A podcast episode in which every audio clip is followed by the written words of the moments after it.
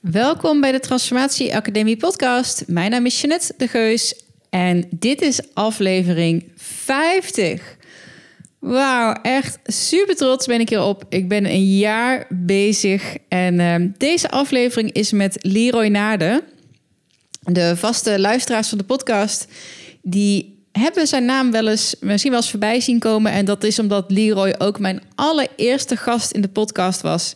En ik vond het wel heel erg toepasselijk om uh, Leroy nog een keertje uit te nodigen. Want niet alleen ik heb uh, allerlei mijlpalen gehaald. Leroy ook. Hij heeft inmiddels een boek geschreven.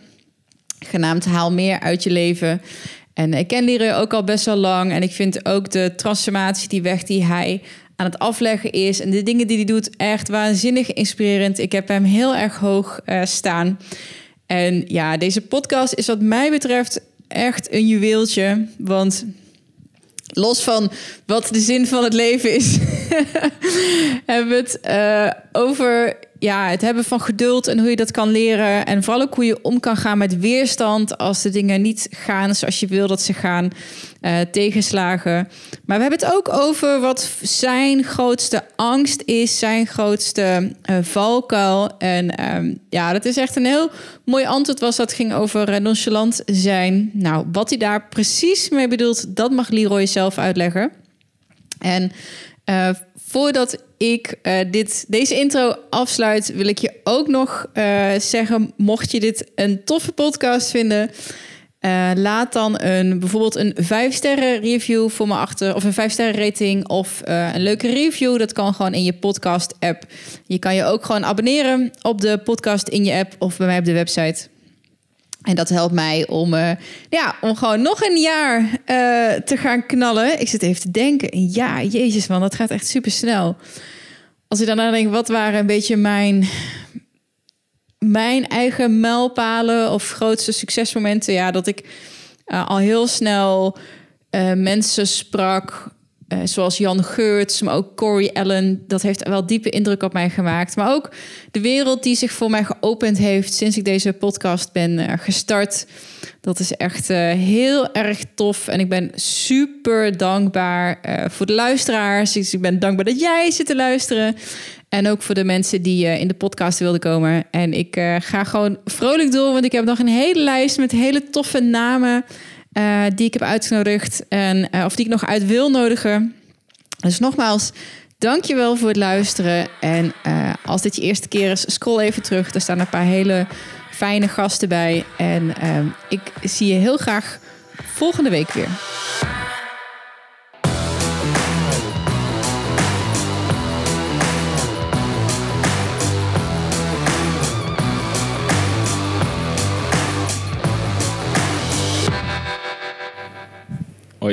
Hey, Leroy.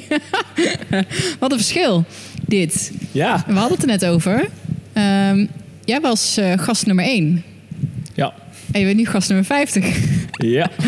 en wat een verschil met nummer 1. Want jij, toen deed ik het nog online. Volgens mij zat ik toen ook in het buitenland zelfs. Volgens mij zat ik in Slovenië toen ik met jou uh, opname deed. Toen was ik nog uh, digitale nomade. Ja, ik kan me herinneren dat uh, was Maaike was er ook bij. Ja. Dat we inderdaad alle drie op een andere plek waren. Ja. En um, dat ik niet een microfoon in mijn hand hoefde te houden.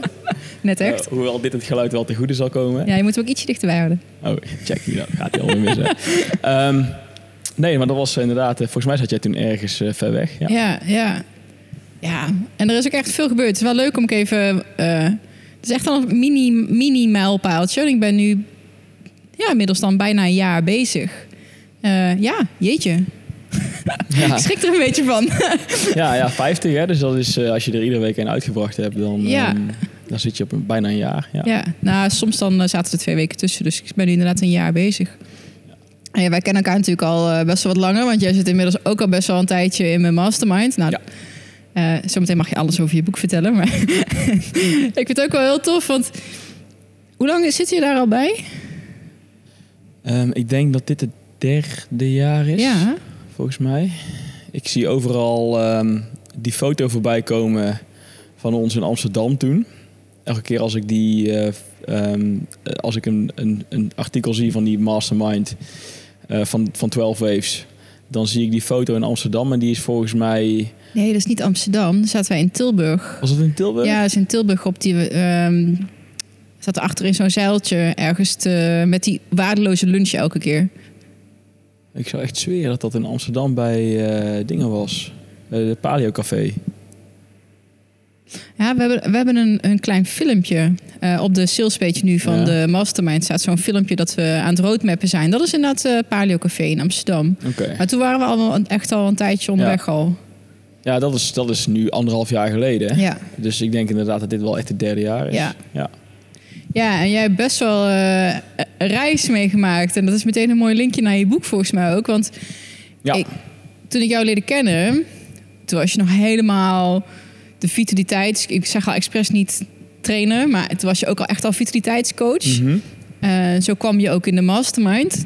Ik weet nog dat een van de eerste keren dat je erin zat, toen nam je volgens mij ook. Nee, het je al een tijdje in, maar op een gegeven moment kwam je met eh, eiwitrijke kwarkjes en zo. Ja, ja, ja. ja, Dus Leroy de rasondernemer. Die, je, hebt, je hebt, elke zes weken had je weer een nieuw idee of een nieuwe... Ja, ja. Het is wel, eh, wel grappig dat je dat zegt. Met name dat stukje dan ehm, eh, van de rasondernemer. Want het, ehm, hetgene wat ik me de laatste tijd steeds meer ben gaan beseffen... is, of gaan afvragen, is... Ben ik, dan, ben ik wel een rasondernemer of ben ik überhaupt wel een ondernemer? En, en ehm, ik chargeer hem heel erg, want ik denk dat we op een bepaalde manier allemaal ondernemer zijn van eh, ja, de manier waarop wij ons leven inrichten. Ehm, maar als ik de mensen om mij heen zie die ik echt ehm, inschaal als ondernemer, en, en daar ben jij er één van, dan zie ik mezelf meer als de artiest en niet zozeer als de ondernemer. En dan wel op een manier, ik, heb, ik, kan, ik, ik kan wel daarin, ik ben daar wel vaardig in, maar het is niet een van mijn sterkste eigenschappen. Terwijl ehm, ergens induiken en daar dan eh, mezelf helemaal in onderdompelen en de essentie eruit halen, dat is iets waar ik veel meer energie van krijg en eh, wat ik heel erg leuk vind. En goed, in de praktijk betekent dat dan ook wel vaak dat dat verkocht moet worden, dus dat daar een stuk eh, ondernemerschap bij komt kijken. Maar puur het ondernemen om het ondernemen, dat is niet iets waar ik nou direct mezelf in terug zou zien. Ah, ik vind jou meer echt zo'n hele nieuwsgierige... Wat je zei, van eh, ergens voor gaan in, onderdompelen. Eh, zo'n kennis... kliko, weet je wel? Zo'n Ja. spons van... Ja, En die nieuwsgierigheid. En wat je zegt, ja, maar ondernemerschap is ook een soort van... Oh, dat is ook weer een nieuwe skill. Weet je wel? Kijken of ik dit kan. Dit eens kijken hoe dit spelletje werkt. Dat is het. Jij bent kijk, gewoon op zoek naar nieuwe spelletjes om, om nieuwe skills. En ik, ah, ja. Kijk, kan en, dit- het is een, ik denk inderdaad dat het een vaardigheid is. En ehm, eh, er is wel echt een tijd geweest dat ik daar helemaal in gedoken ben. En dan gewoon gekeken heb van ja, wat, wat, hoe werkt het dan met marketing, met sales. Nou, ik heb, een, ik heb een technische achtergrond, dus ik heb daar eigenlijk nooit iets mee gedaan. Dus dat was voor mij destijds wel echt een hele, een hele nieuwe wereld. En ook heel erg leuk om daarin te duiken, omdat ik daar heel weinig van af wist. Ehm, dus ik, ja, wat dat betreft eh, denk ik inderdaad dat het een leuk spel is om te spelen. Alleen wat ik bij mezelf gemerkt heb, is dat ik eh, op het moment dat ik het uitgezocht heb, dan is de. ehm, nou, niet de glans, maar de, de uitdaging is er vanaf. of ja. hetgene wat het aantrekkelijk maakt. Terwijl ik denk dat je als ondernemer juist die volgende stap moet maken om, om door te pakken. En dat ik dan meestal zoiets heb van ja, maar er is nog zoveel meer leuks wat ik kan leren en wat ik kan doen en waar ik in, eh, wat ik kan ontdekken. Dat ik dan zoiets heb van nou, ik kan het een beetje en daarna dan moet iemand anders dat maar doen of zo. Ja. Ehm, dus eh, dat is meer wat ik bedoelde met van ja, ben je dan een ondernemer ja of nee? Ja, aan de ene kant wel. Aan de andere kant denk ik dat er ook nog wel gradaties zijn tussen eh, eh, mensen die echt een bedrijf op kunnen zetten en groot kunnen maken en op kunnen schalen. En iemand die het gewoon een leuk spelletje vindt om te spelen. Ja. Ja. Ik denk als, je, als we al jouw casussen van de afgelopen drie jaar op één A4'tje als hè, al de vragen onder elkaar zou zetten, dat je een hele interessante kaleidoscoop ziet aan. Ja, Ja. en dat vind ik wel. Kan kan je degene die nu luisteren, die echt begon niet weten wie jij bent, even een beetje, een klein beetje de achtergrond vertellen van wat je doet? Ehm, nou, mijn naam is Leroy Naarden en ik, eh, nou, ik gaf net al een beetje aan. Van origine eh, heb ik eh, HTS gedaan. Dus heb ik elektrotechniek gestudeerd. Ben ik afgestudeerd. En eh, ik heb daar nooit echt in gewerkt. Ehm, ik vond er niet zoveel aan. maar ehm, vanuit die opleiding heb ik eerst een jaar eigenlijk een beetje uh, van, zeg maar. En toen kreeg ik de aan, een aanbieding om een leraaropleiding te gaan doen. Om een jaartje nog door te studeren en mijn lesbevoegdheid te halen. En in eerste instantie dacht ik van, ja, weet je wat, dan heb ik in ieder geval nog even lekker vakantie. En dan kan ik een beetje door nadenken over hetgene wat ik dan wel graag wil. En Ehm, in die opleiding moest ik stage lopen. Nou kwam ik, uh, ging ik stage lopen op een MBO, uh, eh, elektrotechniek. En daar kwam ik erachter dat het lesgeven iets was wat ik wel heel erg leuk vond. En uh, uiteindelijk kwam daar aan het einde van mijn stageperiode een, plek vrij. Dus hebben ze me aangeboden om daar les te komen geven. Nou, als docent heb je een heel erg interessant startsalaris. ik vond het werk leuk om te doen. Het was iets wat, ja, wat ik net ook al zei, weer iets waar ik mezelf helemaal in kon onderdompelen. Ehm, en ik had veel vakantie. Dat was echt iets wat voor mij uh, belangrijk was en nog steeds is, die, die, dat gevoel van vrijheid. Dus uh, dat is eigenlijk dat was, ja, een hele slechte motivatie, maar wel de reden waarom ik daar gestart ben. En um, uiteindelijk heb ik tien jaar in het onderwijs gezeten. vijf jaar heb ik op de MTS gewerkt, vijf jaar heb ik op een middelbare school gewerkt. Ik heb destijds bewust die keuze gemaakt om naar een middelbare school te gaan, omdat ik ook het opvoedkundige stuk mee wilde krijgen, want dat op het MBO wat minder is. Dus dat is uh, aan de ene kant zeg maar een, een traject wat ik bewandeld heb. Um, en aan de andere kant heb ik een, uh, uh, ben ik in 2012 met twee compagnons een CrossFit box gestart, CrossFit Zuid. Die is um, ontstaan um, vanuit een bepaalde drive en passie. In eerste instantie om iets aan mijn eigen lijf te veranderen, omdat ik vroeger wat overgewicht gehad heb. En, overigens, voor degene die luister ik even naar aflevering 1 van deze podcast. Want daar duik best, duiken best wel in in je achtergrondverhaal, je wens om te veranderen. ja. Dus, Dat, ja, dus laten we dat dan vooral nu niet bespreken. Um, en van daaruit, um, uh, dus vanuit die CrossFit box, ben ik dus uh, parallel aan, aan het lesgeven, ben ik, ben ik daar dus ook gewoon gaan lesgeven. Alleen gaf ik dan uh, dingen, leerde ik mensen dingen over training en voeding. En um, dat was eigenlijk voor mij de start van een stukje persoonlijke ontwikkeling, waarbij ik merkte dat op het moment dat jij iets met, met je lijf wilde, dat er veel meer zaken speelden dan uh, alleen maar het stukje kennis over nou, wat moet ik eten, hoe moet ik sporten enzovoort. En uh, dat heeft mij uh, in eerste instantie voor mijn eigen persoonlijke ontwikkeling heel veel gebracht. En uh, ja, ik merk dat ik dat ook steeds meer ging toepassen binnen de mensen die bij ons kwamen trainen, de mensen die ik hielp. Uiteindelijk ben ik mensen gaan coachen, gewoon helemaal los van het beweeggedeelte om. Um, en uh, ja, parallel daaraan heb ik eigenlijk al, al, allerlei avonturen beleefd. Ik heb met voedingssupplementen heb ik wat dingen gedaan. Um, uh, ik, heb, uh, ik, ja, ik, heb, ik geef nog steeds les voor Chivo, Vitaliteitsinstituut. Dus eigenlijk alles waarin ik mensen help om, um, ja, om, om, grip te krijgen op hun leven. in eerste instantie dus heel erg vanuit een fysiek oogpunt, maar nu eigenlijk heel erg breed. Ja, je zegt ja. grip krijgen op je leven. Um, jouw boek is de titel van het boek gewoon Haal meer uit je leven ook? Ja. ja. Um, je hebt je dermate erin ondergedompeld dat je dus nu echt een boek over geschreven hebt. Wat ik echt uh, te gek vind. Want volgens mij heb je hem ook echt binnen no time. Uh... nou ja, zo klinkt het. maar ik weet dat dat niet zo is. Maar ik weet dat er mensen zijn die er langer over doen. Laat ik het dat ik hem anders framen. Um, ja, kun je ons dus meenemen? Waarom een boek? Um, ja, waarom een boek? dat heeft te maken met de manier waarop ik zelf leer. Ik heb ooit een, uh, een, podcast gehoord. Um, was met een, er was een interview met een man die heette Ty Lopez. Uh, misschien sommige luisteraars hem kennen. En met name mannelijke, uh, ja, het mannelijke gedeelte van onze bevolking voelt zich nogal aangetrokken tot hetgene wat hij vertelt. Omdat hij het ook altijd over Lamborghinis en dat soort dingen heeft. Is hij degene die dan ook zo'n enorm statief voor zich heeft? Dat hij echt op, uh, op vijf verschillende kanalen tegelijkertijd ook live is? Ja, dat hij uh, Snapchat en Instagram ja, alles, en alles, alles, alles en al, Ja, precies. Oké, dat ja. is hij. Check. Ja. Dus, um, maar hij... Um, hij gaf mij als, als eerste zeg maar, het aanzetje van ja, als je dus boeken leest, dan ben je in staat om een shortcut te krijgen um, binnen de vaardigheden of de kennis van de persoon die dat boek geschreven heeft. Dus iemand heeft soms heel veel ervaring op een bepaald gebied of heel veel levenservaring. En op het moment dat je dat in een boek leest, dan ben je dus in een paar uur tijd in staat om daar inzichten uit te halen waar zo'n persoon een hele lange tijd over gedaan heeft. Ja. Dus dat, is, dat, daar, dat maakte dat ik me uh, nog meer dan ik al deed aangetrokken voelde tot boeken. En dat ik ook zoiets had van ja, um, ik heb de afgelopen jaren een heleboel dingen geleerd en tegen een heleboel uh, muren aangelopen. Eigenlijk dat ik met mezelf in de knoei kwam, of met het helpen van andere mensen in de knoei kwam. Dat ik dacht van ja, het is eigenlijk gek als ik die kennis alleen maar in mijn hoofd zou laten zitten. Als, terwijl uh, aan de andere kant, ik hem op papier zet, dat ik er misschien iemand verder mee kan helpen. Dus mijn intentie hiermee is wel echt geweest van ja, kan ik iets schrijven waarmee um, wat, wat ik zeg maar tien jaar geleden graag had willen lezen.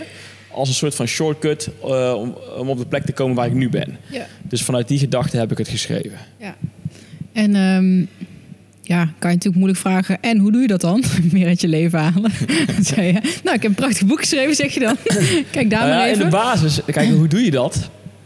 Um, dat, dat, kan op, dat kan op een heleboel verschillende manieren. Maar ik denk dat het, dat het heel erg te maken heeft met als ik kijk naar mij, heel veel mensen die, die zeggen altijd tegen mij van oh, je bent altijd zo positief en uh, het straalt energie uit en dat is aanstekelijk. En dat is natuurlijk een groot compliment. Uh, dat is niet iets wat ik bewust doe. Maar het, ja, ik denk dat het wel te maken heeft met hoe dat je in het leven staat. En als ik, als ik dan zeg maar één ding zou moeten noemen, dan denk ik dat je het leven niet te serieus moet nemen. En uh, dat je het best wel als een spelletje mag zien.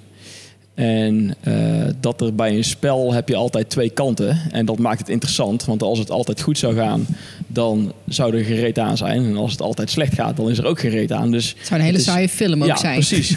dus juist die balans die maakt het leuk. Dus als je, als je het niet te serieus neemt en dingen niet te persoonlijk neemt... dan ben je al heel snel in staat om, uh, om er iets leuks van te maken. Of het in ieder geval als leuk te ervaren. Ja. Uh, ik hoor daar ook Don Mikael Riek... Hoe heet hij? Don Miguel Riguez? Nee, zeg ik het verkeerd?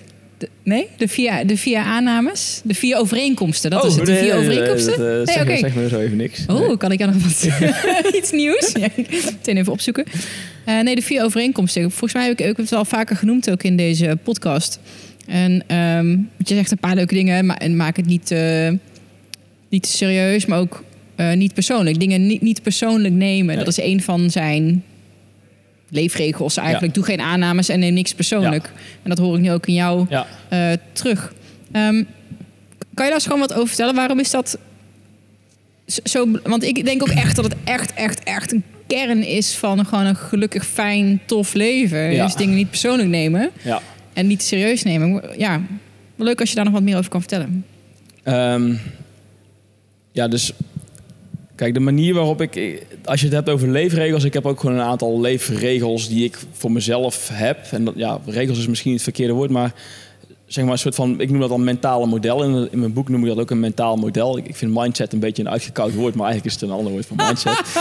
um, Maakt niet uit. Dus van, ja, hoe kijk je naar het leven? En, en een van de manieren waarop ik dat doe, is dat ik zeg altijd, in mijn, vanuit mijn standpunt zeg ik, groei is het doel. En op het moment dat groeien het doel is, dan kan je je doel nooit bereiken. Want uh, groei is een continu proces. Dus dat, maakt, dat haalt de angel er al uit. Dat, je, dat je op een bepaald punt ergens komt dat je denkt van... ah, ik ben er. Want dat gaat dus niet gebeuren met zo'n uh, mindset. Uh, en aan de andere kant, ja, je kan alleen maar groeien op het moment dat je jezelf ook toestaat om, om fouten te maken.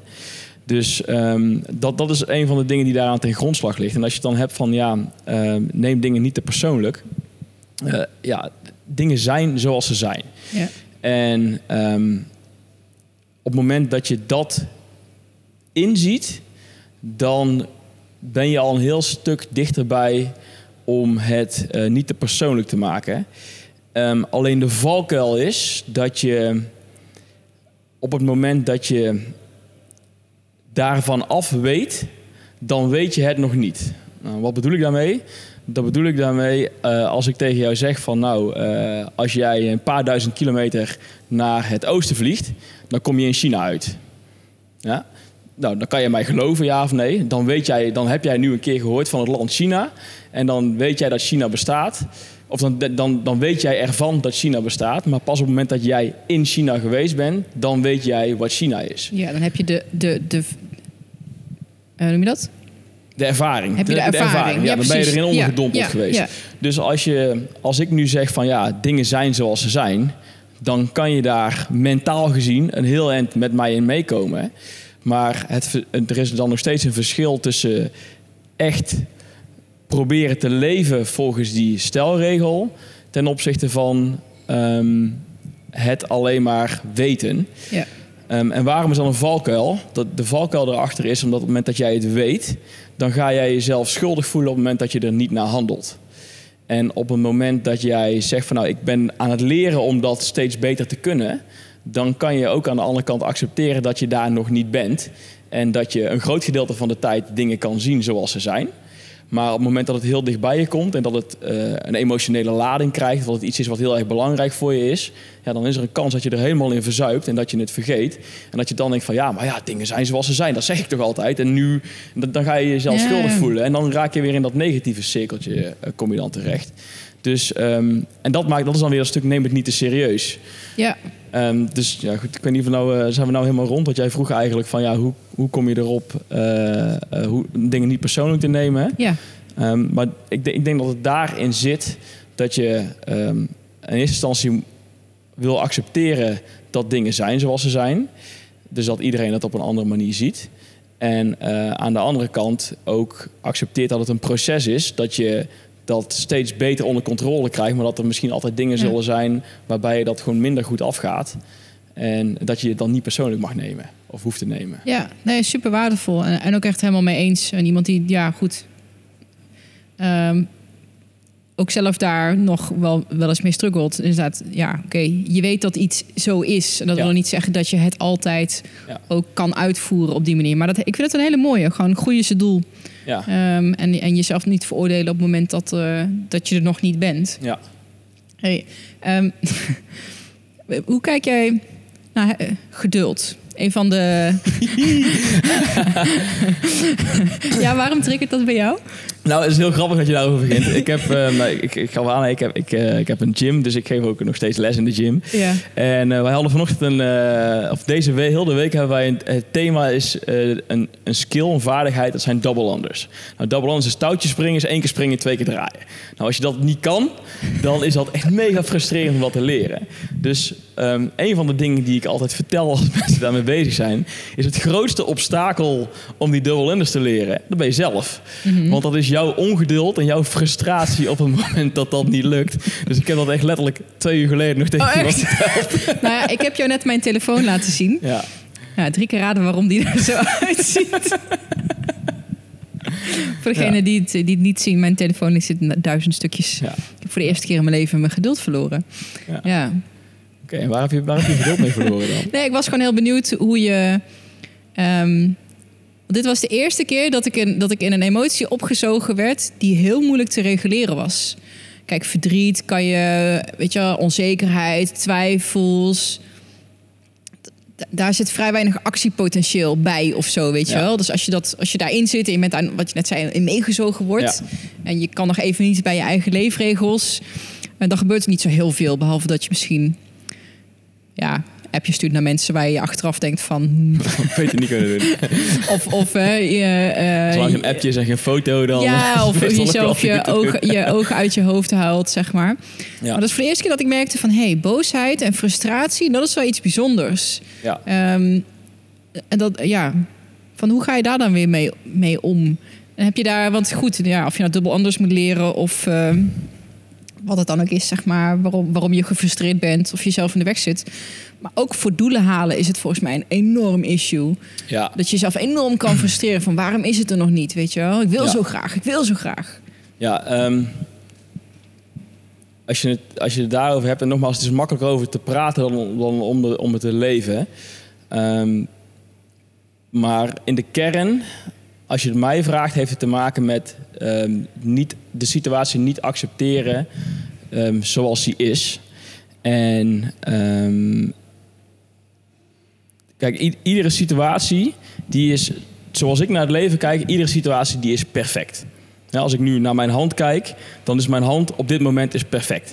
Als ik nu mijn vingers snij, dan is die snee die is perfect. Die, die, als je dat inzoomt en je zou er naar kijken, dat, dat, is, dat is fantastisch om dat te zien. Hoe dat, dat, dat bloed en, eh, goed, enzovoort. Dat de natuur zoiets zeg maar, kan voortbrengen. En nou, vervolgens gaat die snee die gaat zichzelf helen. En dan ontstaat daar een korst. Nou, dat is allemaal van moment tot moment is dat perfect. Ehm, alleen er ontstaat een probleem op het moment dat jij weerstand hebt tegen de situatie zoals die nu is. En het, de weerstand die jij ervaart tegen hetgene wat er gebeurt, dat is waar de emotie vandaan komt, waar de woede of de frustratie vandaan Ja. komt. En ehm, kijk, er is niks mis met, met geen enkele emotie is iets mis. Alleen wanneer boosheid eh, omgezet wordt in woede of blinde woede, ja, dan kan het Ja, soms ja, wel. ja, nee, dat was gelukkig niet hoor. een, maar gewoon eh, echt zo van... ja, als Oh, ik jouw telefoon jeetje. zie. Nou, het was eh, meer zo van jeetje, weet je. Normaal als, als, ik, als ik gefrustreerd ben of de, de- nou goed, de, wa- de, de, de realiteit niet accepteer. Ja, Ehm, mijn default modus was gewoon dan verdrietig worden. Zo van, Ja. hè? En nu was het voor de eerste keer dat ik gewoon echt gefrustreerd werd. En ook, ja, het is echt zo idioot om dan te merken. ja. Het is ook wel een beetje... ehm, nou, ik kan even niet op het woord komen, maar... Nou, maakt niet uit. Al- Alsof je ergens entitled toe bent. Zo van, ja, Ja. maar weet je wel, nee, ik Ja. doe het toch goed. En ik doe alles gewoon Ja. zoals ik denk. Ik doe zo goed mijn best, weet je wel. Waarom is het er nog niet? Ja, kijk, frustratie, als je, eh, frustratie zit op zeg maar, schaal van energie, zit hoger dan verdriet. Ja, het voelde ook echt als energie wat gewoon Ja. vast zit. Al- Ik voel, ja, alsof er een olifant op mijn maag kwam zitten, weet je wel. Heel frustrerend, ja. Ja, kijk, als je, ja, dus, dus frustratie, dat is. ehm, ik denk dat, dat, dat je het perfect verwoord hebt. Dat je het idee hebt dat je ergens recht toe hebt. Op het moment dat je verdriet hebt, dan, dan sta je jezelf een bepaalde acceptatie toe. Ehm, terwijl op het moment dat jij in frustratie zit, dan zou je eigenlijk zeggen dat je, dat, dat je die- dat, die situatie van acceptatie voorbij bent of wil overrulen. Doordat jij zegt van ja, maar het klopt niet zoals het nu moet zijn. ja. Ehm, maar dat, dat kan het gevolg zijn van verdriet bijvoorbeeld, wat er nog niet helemaal uitgekomen is. Of jezelf niet toestaan om er verdriet over te hebben. Ja, of al te veel verdriet gehad. Ja, ja, ja kijk, en, en ehm, de vraag is, als jij zegt ik heb al te veel verdriet gehad, dan oordeel jij daarmee over ja. dat er eh, over de hoeveelheid verdriet die jij gehad hebt. Je zegt van ja, ik heb nu zoveel verdriet gehad, nu is het wel genoeg geweest. Nou, nou, dat gelukkig niet, Ja. maar Ja, dit- maar, maar, dat dus- zo, ja. eh, ja, ja. Dus dat, en en ehm, ja, ik, ik, ik, blijf het herhalen. Het, is makkelijk om hier nu zo over te spreken. En het is veel moeilijker om daar in het moment Ja, op te het moment en als reageren. het iets is wat heel dichtbij komt, Ja. wat, wat echt jou in de kern raakt. Ja. En dan Eh, is reflectie denk ik heel waardevol. ja. Want dan, eh, kijk, dat moment... Ja, dat, we praten er nu over. eh, die telefoon die ligt al in duizend stukjes. Dus dat, dat kan je niet meer veranderen. Ja. Ehm, maar het, de reflectie erop... die maakt nog steeds wel dat er iets positiefs uit voort kan komen. Of iets wat jij als positief kadert. En ehm, op het moment dat je kan accepteren dat je toen zo eh, gereageerd hebt zonder enige vorm van schuld, jezelf daarvoor vergeven en dan vervolgens zeggen van oké, nu zit ik in een situatie waarin ik daar wat helderder over kan nadenken en misschien brengt dat weer emoties met zich op, dat dan ook accepteren dat die Ja. emoties er mogen zijn en die gewoon lekker even, ja, ik zeg altijd bekijken, van ja, waar, zitten ze in je lijf? Eh, want dan merk je ook dat ze op een gegeven moment oplossen. En dat gewoon allemaal accepteren, accepteren, accepteren. Dan komt er op een gegeven moment een moment waarop je kan gaan handelen. Ehm, maar dan handel je, dan kan je vrij handelen. In plaats van dat je handelt omdat jij jezelf dwingt te moeten handelen. Omdat je dat andere, dat andere er niet mag zijn. Ja. Als je snapt wat ik daarmee bedoel. Nee, ik snap het zeker. En ehm, wat, wat heel fijn is, ik heb het laatst nog gehad over eh, de, de mensen waarmee je je omringt. Ja. En de persoon ehm, die daarbij betrokken was, die heb ik daarna ook gesproken. Ja. En het was, ik, ik ging dat gesprek in met van, hey, oké, luister, dit is er gebeurd. Eh, laten we hier even als twee metawezens, Ja. niet emotioneel, niet dramatisch, Ja. niet, niet zakelijk, niet persoonlijk. Geen, gewoon even op een ander level over praten. Gewoon Ja. als twee metawezentjes. Zo Van, het ging niet over jou, het ging niet over mij. ja. En dat is echt zo fijn, dat je Ja. dat... Je dat Nou, het is ook eh, wel fijn dat je de, de persoon die er, op wie het betrekking heeft, dat die in staat is om daar zo, ehm, zo over te kunnen praten. Want heel veel mensen die vinden dat heel lastig om, ehm, om zeg maar vanuit, ehm, ik noem het dan altijd het verschil tussen content en context, om vanuit de context te kijken in plaats van getriggerd te worden door de content, ja, door de door inhoud, wat er door daadwerkelijk, wat er gebeurd is. hetgeen wat er Ja. gebeurde. Want dat vond ik echt totaal niet interessant. Zo Ja. van, ja, weet je, het is geen schuldvraag of whatever. Het is gewoon, oké, dit is gebeurd.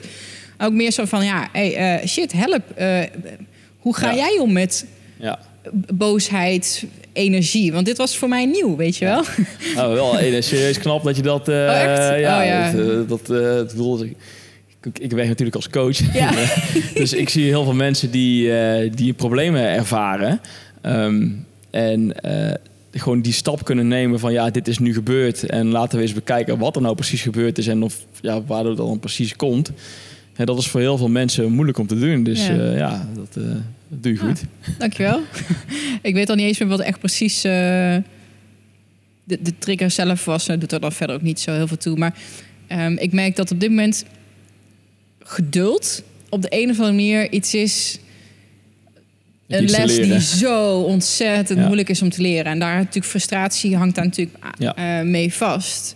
Dus van, goh, hoe, hoe, hoe leer je in hemelsnaam om geduld te hebben? Ja, En ik ben een boekje aan het lezen over ehm ehm, de Marshmallow Experiment. experiment. Mhm. Ken je dat? ja ik ken het wel. Ja. ja. Ik zal het even kort, ik weet niet of mensen het kennen, maar het is een, eh, een experiment eh, over in, voor instant gratification. Dus ehm, eh, onmiddellijke bevrediging. Ja. Ja. Waarbij ze kinderen in een ruimte met een onderzoekster... en die kregen een, sch- een schaaltje met koekjes of marshmallows... maar iets lekkers voor die kinderen, een beloning. Er werd gezegd van, joh, je mag dit, deze marshmallow nu opeten... of als je eventjes wacht, als ik zo meteen terug ben, kom, dan krijg je er twee. En er zijn echt hele toffe filmpjes ook eh, online te vinden van die experimenten. En dan zie je allerlei verschillende tactieken die die kinderen toepassen... om Ja. ervoor te zorgen dat zij inderdaad die vijf of die tien minuten... of soms wel twintig minuten kunnen wachten. En dan Ja. krijgen ze er twee. Ja. Eh, van eraan ruiken, likken, wegduwen, onder de tafel zitten. filmpjes, eh, het zijn hele leuke filmpjes. Maar daar heeft dit wel een beetje mee te maken. Want het is inderdaad, oké, wil ik eigenlijk is ongeduldig zijn, nu direct iets willen wat er niet is. Ja. En ik weet echt wel, oké, vechten tegen de realiteit, dat heeft geen nut. Ik, ben in, hè, ik weet waar China ligt. Ja, ik ben er nog niet geweest. Ja, ja, ja. Nou, het dan ook echt daadwerkelijk, gewoon echt, echt, echt. Ja, dat, is dat dan in de kern wat je moet doen om geduldig te zijn? Ah, ik vind het zo verschrikkelijk moeilijk. Ja, het, het grappige is, nou, je- ik wil even twee dingen wel. wel ik, ik ken het boek niet, dus ik weet niet precies wat er in het boek staat. Eh, ik ken het onderzoek wel en ik weet ook wat de verschillende visies op het onderzoek zijn. Dus, dus misschien dat jij dat beter kan invullen dan ik, maar ik weet ook dat, eh, om even terug te komen op dat stukje context versus eh, content, dat ehm, in dat onderzoek dat er destijds conclusies getrokken zijn die naar de hand bijgesteld zijn. Mhm. Zoals omdat dus- alle goede onderzoeken, Ja. lijkt me. Ja. Dus omdat, omdat de omgeving waarin die kinderen opgegroeid zijn, voor een heel groot gedeelte ook van invloed was op het, hun mate van impulscontrole. Dus eh, de mate waarin zij in staat waren om wel of niet eh, die tijd te wachten. Dus dat, er, dat het een heel stuk genuanceerder was dan de conclusie die er destijds aan eh, uitgetrokken zijn. Dus nogmaals, ik weet niet precies wat Ik er in geloof dat het boek ook zowel het originele onderzoek als ook de. Want ze hebben dat natuurlijk meerdere keren Ja. gerepliceerd. Dat het alle onderzoeken meeneemt. Ik heb het nog niet helemaal uit. Ja. Dat is wel een linkje waar ga ik zo meteen ook wel een beetje over hebben. Dat vind ik wel interessant. Ehm, of wetenschappelijk onderzoek. Even mee onthouden. Oké. Vertel verder. Eh, en andere, en, ehm, maar dat is meer een vraag, zeg maar, eh, voor jou. En ehm, iets wat ik in de praktijk veel zie, is jij zegt van nou, ik merk dat ik heel veel moeite heb met geduld. Ja. Ehm, de vraag is, heb jij moeite met geduld of zijn er bepaalde gebieden waarin dat zich met name uit en zijn er andere gebieden waarin je juist heel erg geduldig bent? En de reden waarom ik dat vraag is met name omdat heel veel mensen hun identiteit dan koppelen aan dat stukje waar ze hun probleem ervaren. Zeggen van ja, ik ben gewoon ongeduldig, terwijl er misschien maar 5% van de gebieden in hun leven is waarop ze dat stukje ongeduld ervaren. En dat er 95% is waarin ze eigenlijk heel, heel erg goed of heel erg geduldig zijn. Alleen omdat ze juist op die 5% eh de focus hebben, omdat daar een stressor zit, Mhm. zeggen ze van ja, maar ik ben ongeduldig en ik moet, ehm, ik moet leren om geduldiger te worden. Terwijl de vraag is van ja, is dat, is dat echt hetgene wat, je, eh, wat er aan de hand is? Of is er iets anders aan de hand? En is, misschien moet je een hele andere vraag stellen. Dus dat is, maar dat was even hetgeen wat bij mij opkwam Ja. eh, op basis van wat jij net vertelde. Nou, gelukkig, ik, ik identificeer mezelf niet als een ongeduldig persoon.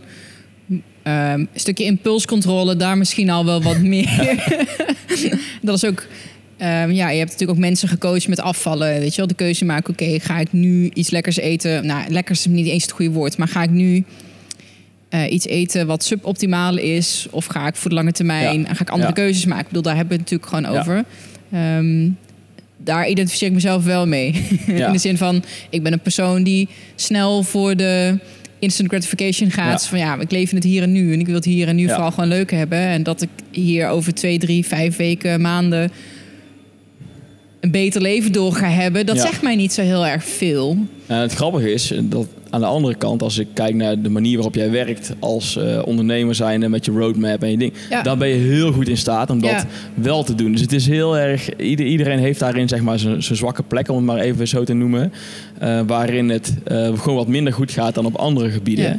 En dan is het de vraag van, ja, waarom is het dan juist dat, dat stuk waarop het minder goed gaat? En moet ik dan die hele specifieke vaardigheid trainen?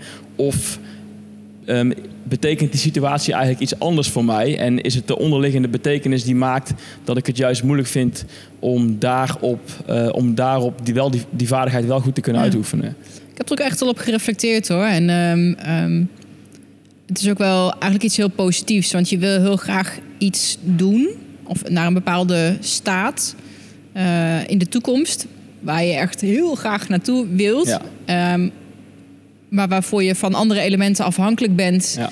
Die hun eigen tempo hebben. Ja, ehm, die, je niet, het is, die, die je niet kan controleren nee. die ook niet kan pushen of weet je wel. En, ehm, en dat dan accepteren. Het gaat over accepteren. Ja, oké, Ja. dit is zoals het is en het is perfect zoals Ja, het is. ja. Ik weet ja, dat, is, ligt. dat, is, ja, dat is precies de. Ja, en dat, is- dat is echt.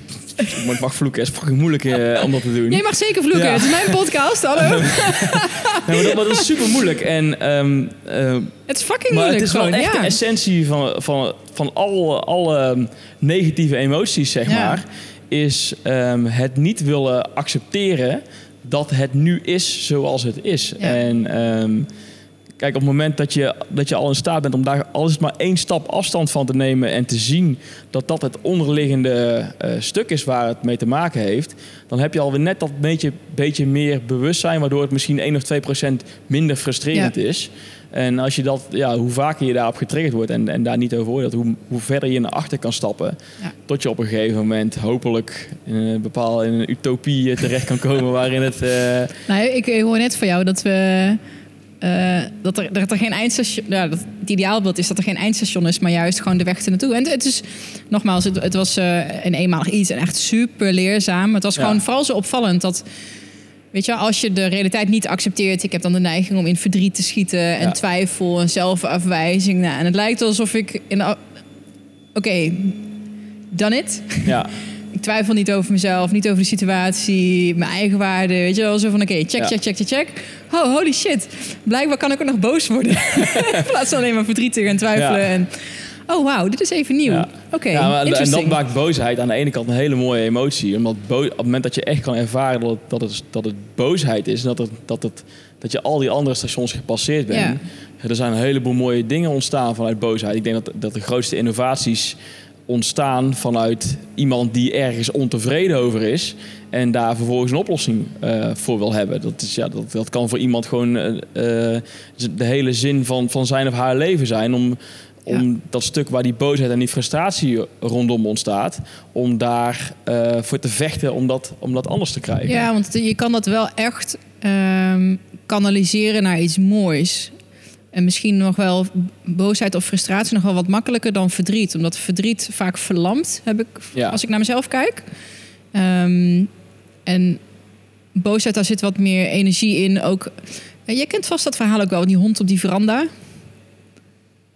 Je ik weet zeker dat ik- hier heel de tijd met eh, allerlei dingen dat ik, eh, die, die, ik niks van af weet. Jawel, want het is echt zo'n heel typisch eh, motivational speaker verhaal. Volgens mij staat het in alle boeken wel een keer. Van zo'n man en die loopt elke dag langs een veranda. En er zit een man of een vrouw op een schommelstoel met een oude hond ernaast. En elke dag als hij er langs loopt, dan hoort hij die hond kermen. Op een gegeven moment, een aantal dagen, vraagt hij aan die meneer of mevrouw in die schommelstoel van waarom ligt die hond zo te kermen? Is die ziek? En dan is het antwoord van nou, hij ligt op een spijker en dat doet hem zeer. Maar de pijn is niet groot genoeg voor hem om op een ander plekje op de veranda te gaan liggen. En dat is natuurlijk een beetje de essentie ook van dit. Van als we willen veranderen, weet je wel, we liggen wel te kermen en te piepen. En, eh. Maar is de pijn Ja. groot genoeg om echt op een ander plekje te, op de veranda te gaan liggen? Ja. Ja. voor heel veel mensen niet.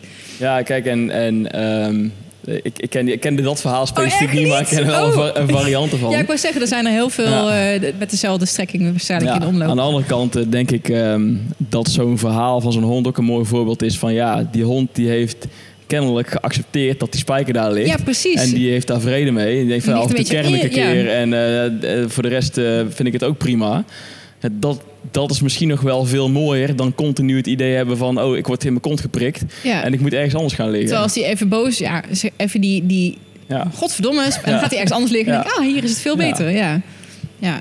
Nee, het, mo- het motiveert zeker ook wel. Het is wel een, eh, een positieve driver. Ik denk als je dat niet te ver doortrekt, dat het ook heel veel mooie dingen kan doen. Want het, Ja, absoluut. Ja. bedoel, ja, wat zet mensen aan om boeken te gaan lezen of podcasts te luisteren? Dat is Ja. wel gewoon.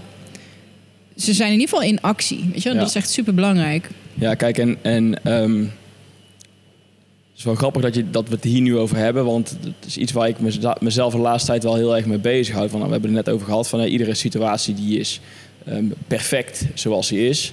Nou, als je kijkt naar de wereld waar wij in leven, dan heb je, eh, je hebt eh, Donald Trump die is in Amerika allerlei dingen aan doen. Eh, nou, er gebeuren allerlei ehm, eh, gekke dingen. Ehm, maar ook veel eenvoudiger. Dan heb je mensen die zeggen van nou, hè, stop het dierenleed. Of je hebt mensen die zijn bezig om de oceaan schoon te maken. En ja, dat zijn mensen die maken zich dan allemaal tussen aanhalingstekens ergens druk over. De manier waarop ik er steeds meer naar begin te kijken is dat je dat de wereld waarin wij leven dat die echt perfect is, omdat het iedereen in staat stelt om, eh, om een doel voor zichzelf te creëren. Dus stel nou dat jij ehm, een veganist bent en dat jij het eh, heel erg belangrijk vindt om ehm, andere mensen duidelijk te maken waarom dat ze eh, geen dieren meer zouden moeten eten of alleen plantaardig voedsel zouden moeten eten. Nou, dan, dan heb je, dat, je hebt dat drive en je hebt daar passie in en je gaat daarvoor en je, je roept het van de daken enzovoort. Ehm, op het moment dat iedereen veganist zou zijn, wat doe je dan? Ja. Dus ehm, al die tegenstellingen, die maken juist dat wij een stuk van onszelf ergens in kunnen leggen, waardoor we in staat zijn om eh, een doel te bereiken of een ontwikkeling door te maken of ja, hoe, hoe dat je het dan ook voor jezelf wil kaderen. Dus ehm, aan de ene kant kan je zeggen van ja, eh, het is allemaal één grote kutzooi. Aan de andere kant kan je zeggen van ja, ehm, dankzij dat het zo is, ben ik in staat om, om heb, ik, heb ik iets om voor te leven. En ehm, dus in plaats van dat je iets ziet als een vijand of als je vijand, in de, aan de buitenkant speel je het uit alsof dat het je vijand is. Maar ehm, stiekem weet- moet je er, omarm je je vijand. Omdat je weet van ja, dankzij jou kan ik nu, kunnen we, dank, dankzij elkaar kunnen wij naar de buitenwereld lekker een beetje bekvechten en ons, eh, on- on- ons ding doen en een stuk van onszelf uiten. Maar eh, achter de schermen eh, kroelen we elkaar lekker en ehm, weten we dat, we dat we dankzij Ja. die tegenstellingen in staat zijn om dat leven te hebben wat we nu hebben. Ja, Dus ja. dat, ja, ik, dat, dat, ja, goed. even Nee, ja. dat is prachtig. Ik heb. ehm, ehm, ik weet niet of ik daar, of ik daar al eerder een keertje over heb gehad, maar eh, ook toen ik in Peru was, eh, ja, op de een of andere manier ben ik de laatste tijd veel bezig met een soort van zen. Als je helemaal zen zou zijn, zeg maar, als alles in balans zou zijn, dan is, dan is alles weg. Want dan, Ja. dan is er. Dat is het absolute. Ja. En, en, ehm, En ju- juist die, ja, die ja. tegenstellingen, want Ja. eh, als je het super, super, super abstract bekijkt, we zijn we allemaal bewust zijn of je daar wat mee kan of niet. Maar we zijn allemaal bewust zijn wat zichzelf wil ervaren. En hoe ervaart je jezelf dat, ah, dat er in twee te knippen. door het in twee te Ja. knippen en gewoon heel inderdaad veel stukken te knippen. Ja, of- en, eh, zoveel stukjes als dat je me kan bedenken, Ja, zeg ja. maar. Ehm, en, en als je dat, want ik heb het ook wel eens op, op moeilijke momenten, of dan ga je iets doen wat spannend is. Ik had laatst dan ehm, dat interview van eh, Editie NL, dat eh, televisie-item, heel Mhm. kort over microdoseren. En ik zat in de auto en had ik er heel bewust iets van: oké, ik kan nu echt freak, weet je wel. Ja. Zo van, oh shit, en ik hoop dat ik uit mijn woorden kom. Ja. En heb ik al goed geslapen? Heb ik geen ballen? Hoe zie ik eruit? Weet je wel? Wat gaan mensen van me denken? Ik ga op, op nationale televisie vertellen dat ik LSD gebruik. Weet je? Are you insane? Weet je wel dat? Ah. Of gewoon sit back, relax, enjoy the ride. Weet je wel? Want het is maar een spel en het is gewoon... Ja, Ja, en jij hebt een En het- heleboel mensen die geen LSD gebruiken... of daar een hele sterke mening over hebben en plezier gedaan. oh ja, Want die kunnen zeker. lekker, eh, lekker eh, ranten en doen, omdat jij het wel gebruikt. Dus dankzij jou hebben zij weer eventjes Ja. een paar minuten van hun tijd eh, dat, kunnen invullen. dat kleine stukje mindset shift van... oké, de situatie kan je niet veranderen. Het is zoals het is. Je kan zeggen, ja, dan doe je het toch niet. Nou, dan is het wel een ander moment waarop je... Je hebt altijd een soort van keuze van... hey, ga ik hier me heel erg druk om maken... Of ga ik zeggen van het accepteren, het gebeurt gewoon en probeer er dan gewoon van te genieten. Zonder happy peppy, weet je, overdreven. Nee, het gaat ook niet om alleen maar heel erg blij willen zijn. Nee. Gewoon, ehm, ja, En, en daar kan ik dan weer wel. Van de week gooi ik Ja. gewoon mijn telefoon kapot. Ja, ja, dat is, Ja. kijk, dat is, dat is zeg maar het, eh nou, ja, we moeten het allemaal even negatieve noemen, het negatieve uiterste van, en, en dan, dat is voor jou een grens, een ondergrens die je bereikt hebt, eh, voor je gevoel misschien. Ehm, maar dat geeft aan je aan de andere kant ook weer een fundament om jezelf af te zetten, om weer extra hard naar boven te gaan. Ja. Dus af en toe moet je gewoon even die diepte in, daar ontkom je niet aan. Eh, want als je alleen maar op die, op die stijgende lijn zit, Ja, dan jij- heb je op een gegeven moment niet meer in de gaten dat je op die stijgende lijn zit. Dus je hebt af en toe dat dipje nodig om te zien van ja, ik heb eigenlijk de hele tijd in een bepaalde flow gezeten, alles ging goed. Ehm, en op een gegeven moment ga, wordt dat gewoon. Dus dan je hebt een klap in je gezicht nodig om weer te zien van oké, het kan dus ook anders. Om weer extra te waarderen op het moment dat het wel goed gaat. En eh, ja, het is gewoon het is app en vloed eigenlijk. Ja, het, is, gewoon, eh, het zijn continu die... Ja, yin en yang natuurlijk. eh, Ja. continu. ja, je ziet het niet voor niks overal terugkomen natuurlijk door, Ja. door, de, door de millennia heen. Ehm, ja, het is de wereld waarin we leven, die, eh, die heeft gewoon... Het is gewoon een relatieve wereld. Hey, en mijn grootste les is nu dan dus eh, geduld. Maar wat is jouw grootste les? Of jouw belangrijkste les? Want er staan natuurlijk een hele hoop lessen in, in je boek, dat snap ik. Of de Ehm. moeilijkste. Laten we, dat is misschien wel een leukere. De grootste uitdaging. Ehm, de grootste uitdaging...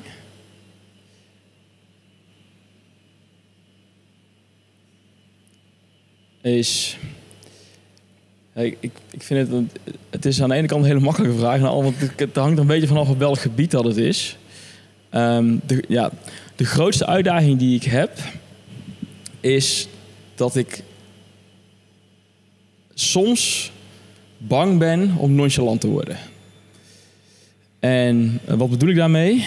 Ehm, kijken naar het hele gesprek wat we zojuist gevoerd hebben. Dan zou ik kunnen zeggen van, nou goed, als het dan toch allemaal een spelletje is en allemaal eh, kennelijk zo onbelangrijk is, waarom eh, stap ik dan nu niet naar buiten en eh, klim ik een gebouw op en spring ik er vanaf? Ja? Nou, gelukkig zit er iets in mij, denk ik, wat mij tegenhoudt om dat te doen. Ehm, aan de andere kant besef ik me ook van ja, ik heb twee kinderen. Eh, die zijn allebei heel jong, drie en vijf. En daar hou ik echt heel erg veel van. En ehm, eh, ja, dat is mijn lust en mijn leven. Aan de andere kant denk ik van ja. Ik denk op een bepaalde manier over hoe dat het leven, eh, ja, de betekenis van het leven. Ehm, als ik dan kijk naar hun, dan denk ik van ja, eh, als er iets met hun gebeurt of iets met mij gebeurt, ehm, hoe belangrijk is dat dan? En dan, is dat, dan merk ik toch dat dat dan een stukje is van mijn, van mijn ego, van mijn persoonlijke zelf, wat moeite heeft om daar nog bepaalde dingen op los te laten. Dus daar ligt voor mij nog een, een uitdaging. Want ik heb voor mezelf al redelijk helder wat, ehm, wat voor mij mijn doel is in dit leven. En dat heeft helemaal niks te maken met de buitenwereld, maar dat heeft heel erg te maken met eh, mijn, mijn, mijn ervaring mijn kijk op het leven, mijn, de manier waarop ik mijn bewustzijn eigenlijk. Ehm, en als ik dan naar hun kijk, dan denk ik van ja, ik ben toch bang om een soort van nonchalant te worden. Terwijl dat helemaal niet gebeurt, maar er zit toch een soort van angst van ja, als ik nonchalant word, kan ik dan nog van hun houden? Terwijl het tegenovergestelde waar is, hoe meer dat ik hiermee bezig ben, hoe meer ik van hun ga houden en eigenlijk van iedereen om me heen ga houden. Dat ik denk van ja, eigenlijk is iedereen gewoon leuk en gezellig. En eh, als het een keer niet zo is, ja, dan is er waarschijnlijk iets aan de hand waardoor dat voor hun op dit moment moeilijk is, of voor mij heel moeilijk is. Ehm, en toch zit er aan de andere kant nog een beetje die angst van ja. Ja ik denk dat ik hem wel... ehm, dat ik hem wel snap. Ook omdat het wel op sommige Fucking vlakken wel herken- herkenbaar is. Nou, weet je wat het is? Is het misschien bang dat je een soort van dat je te fatalistisch wordt met wat je met nonchalance bedoelt. Zo van, eh, misschien is dat niet hoor, maar dat vul ik even in een vraag aan jou. Is het in de zin van het gebeurt toch wel? Ehm, en dus laat het maar gebeuren, weet je wel. Want het is perfect zoals het is. Dat je denkt van, nou ga ik, niet, nou, nu, ga ik nu niet te veel achterover hangen en leunen. Bedoel je dat met nonchalance? Nou ja, ja, ik denk dat, ja, je, dus je noemt ook het woord fatalistisch. Ik denk niet dat dat, dat het is. Ehm, het is meer het, een bepaalde angst. Dus met, ja, dus met nonchalant bedoel ik dat het een bepaalde angst is dat ik, dat ik mijn, eh, de sterke emoties, dus waar we het net over hadden, dat die steeds minder, dat ik die Ah. steeds minder ervaar. En dat vind ik aan de ene kant is dat heel prettig. Heel veel mensen zouden dat heel prettig vinden. Aan de andere kant denk ik van ja. En dan, dan heb ik echt met name als ik naar mijn gezin kijk, dat ik denk van ja, ehm, eh, ik hou heel erg veel van ze. Eh, wat, zou, hoe zou ik, wat zou er nu gebeuren? Wat zou er met mij gebeuren op het moment dat er iets met hun gebeurt? Mhm. Hoe zou ik dat ervaren? En aan de ene kant kan ik beredeneren van ja, de manier waarop ik naar het leven kijk. Van ja, het is, het, alles is energie en ehm, eh, dat, dat, dat, dat, dat, dat, dat stroomt allemaal. En ehm, mijn kinderen en ikzelf en jij, wij zijn allemaal een concept.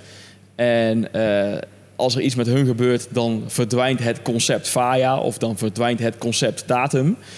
En eh, dat betekent niet dat hun energie weg is, maar dat dat gewoon ergens anders heen gaat. Dus dat kan ik heel goed beredeneren. Ehm, en naar mezelf toe voel ik het ook zo. Want ik heb ook echt zoiets van, ja, als mijn tijd gekomen is, dan is die gekomen. En ehm so be. Alleen op het moment dat dat met hun is, dan denk ik van, ja, dat, ja, dat, vind, dat vind ik moeilijk.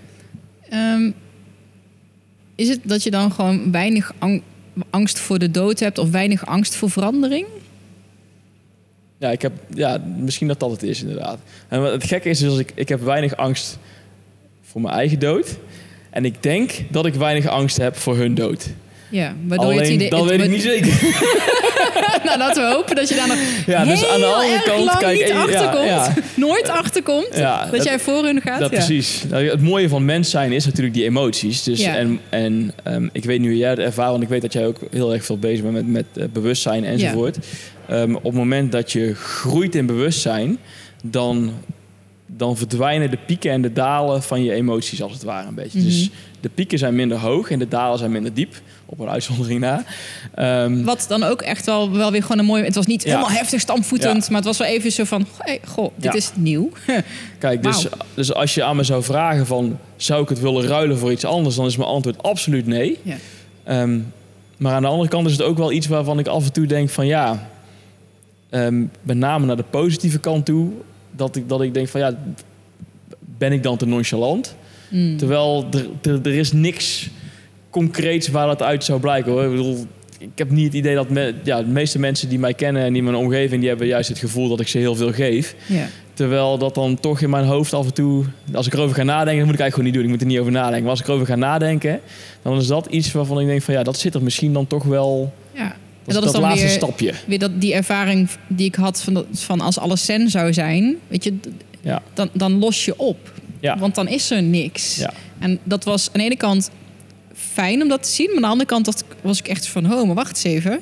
Het is ook wel gewoon leuk hier met, al die, met alles wat erbij komt kijken. Dus ik, ik denk, ik kan hem wel volgen hoor. Het is heel... ehm, Maar hij is best wel diep. Ja, Dus, nou ja, eh, ja. Sorry. Ja, oh, sorry. Wat nou sorry? ik doe niks liever dan hierover praten. Dat is toch prachtig? Ik hoop Ja. dat mensen het kunnen volgen, maar ik denk het wel hoor. Ja. Ehm, maar dat is dus die grootste... Nou, misschien dan niet de grootste uitdaging van alle lessen in je boek... maar wel misschien wel op het pad als je, op, als je hiermee bezig gaat... dat je op een gegeven moment denkt van... hé, hey, ja, maar als alles dan eh, is zoals het is... en alles is perfect en alles is energie en weet je wel... Ja.